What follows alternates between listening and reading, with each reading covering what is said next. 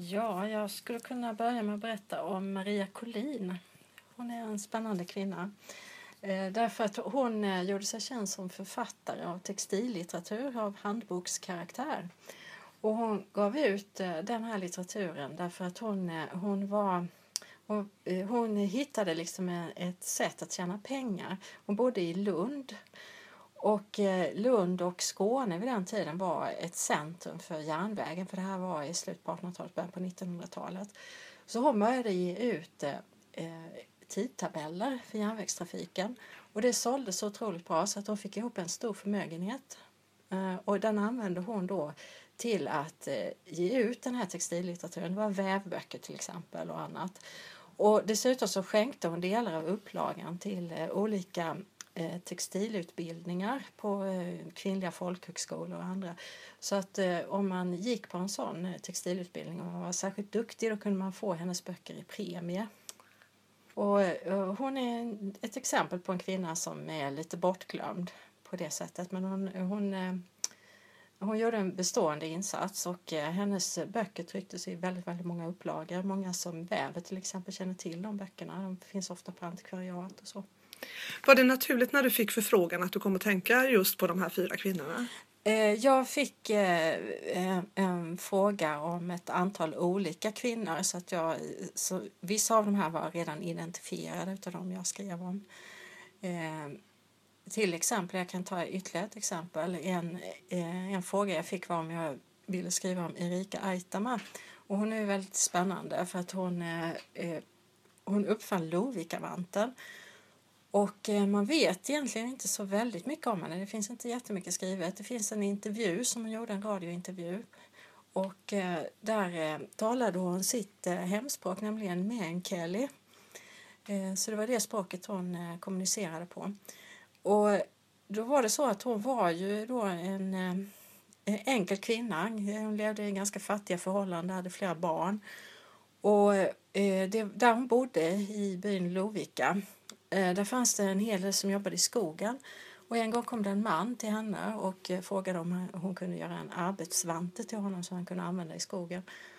Och hon gjorde en, men han var inte nöjd. Och det satte igång då ett experimenterande. Så, så småningom så fick hon fram en, någonting som många var nöjda med. Och plötsligt så såldes de här vantarna eh, vitt och brett bland eh, de här männen som jobbade i skogen.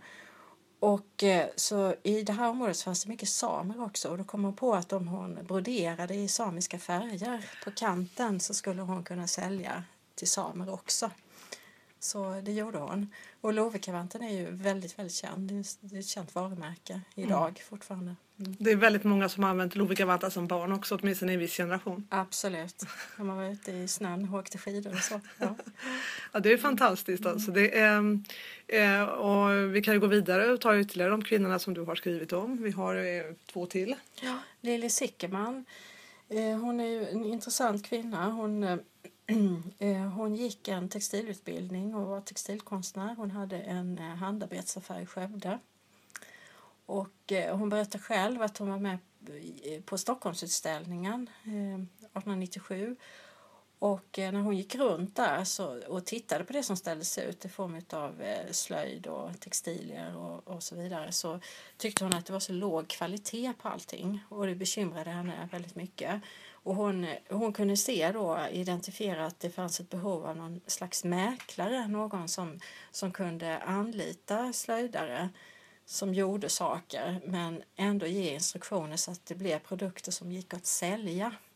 Och det var så det började när hon eh, så småningom bildade eh, Föreningen för svensk hemslöjd 1899 som är det första startskottet för den svenska hemslöjdsrörelsen. För den byggde på den idén att man skulle sälja då slöjd som man eh, beställd av slöjdare ute i, på landsbygden i landet.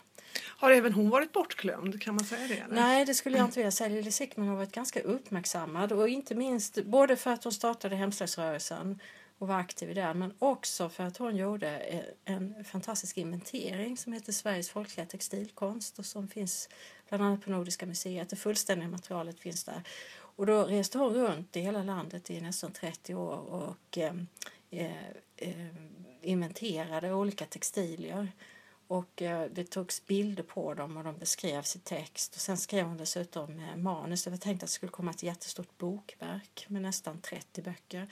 Men tyvärr gav, gavs bara en enda ut. Sen blev hon eh, sjuk så hon kunde inte fortsätta det projektet. Men det, alla de andra finns i manusform.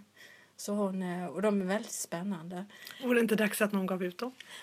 Ja, de, jag har läst igenom eh, ganska stor del av materialet.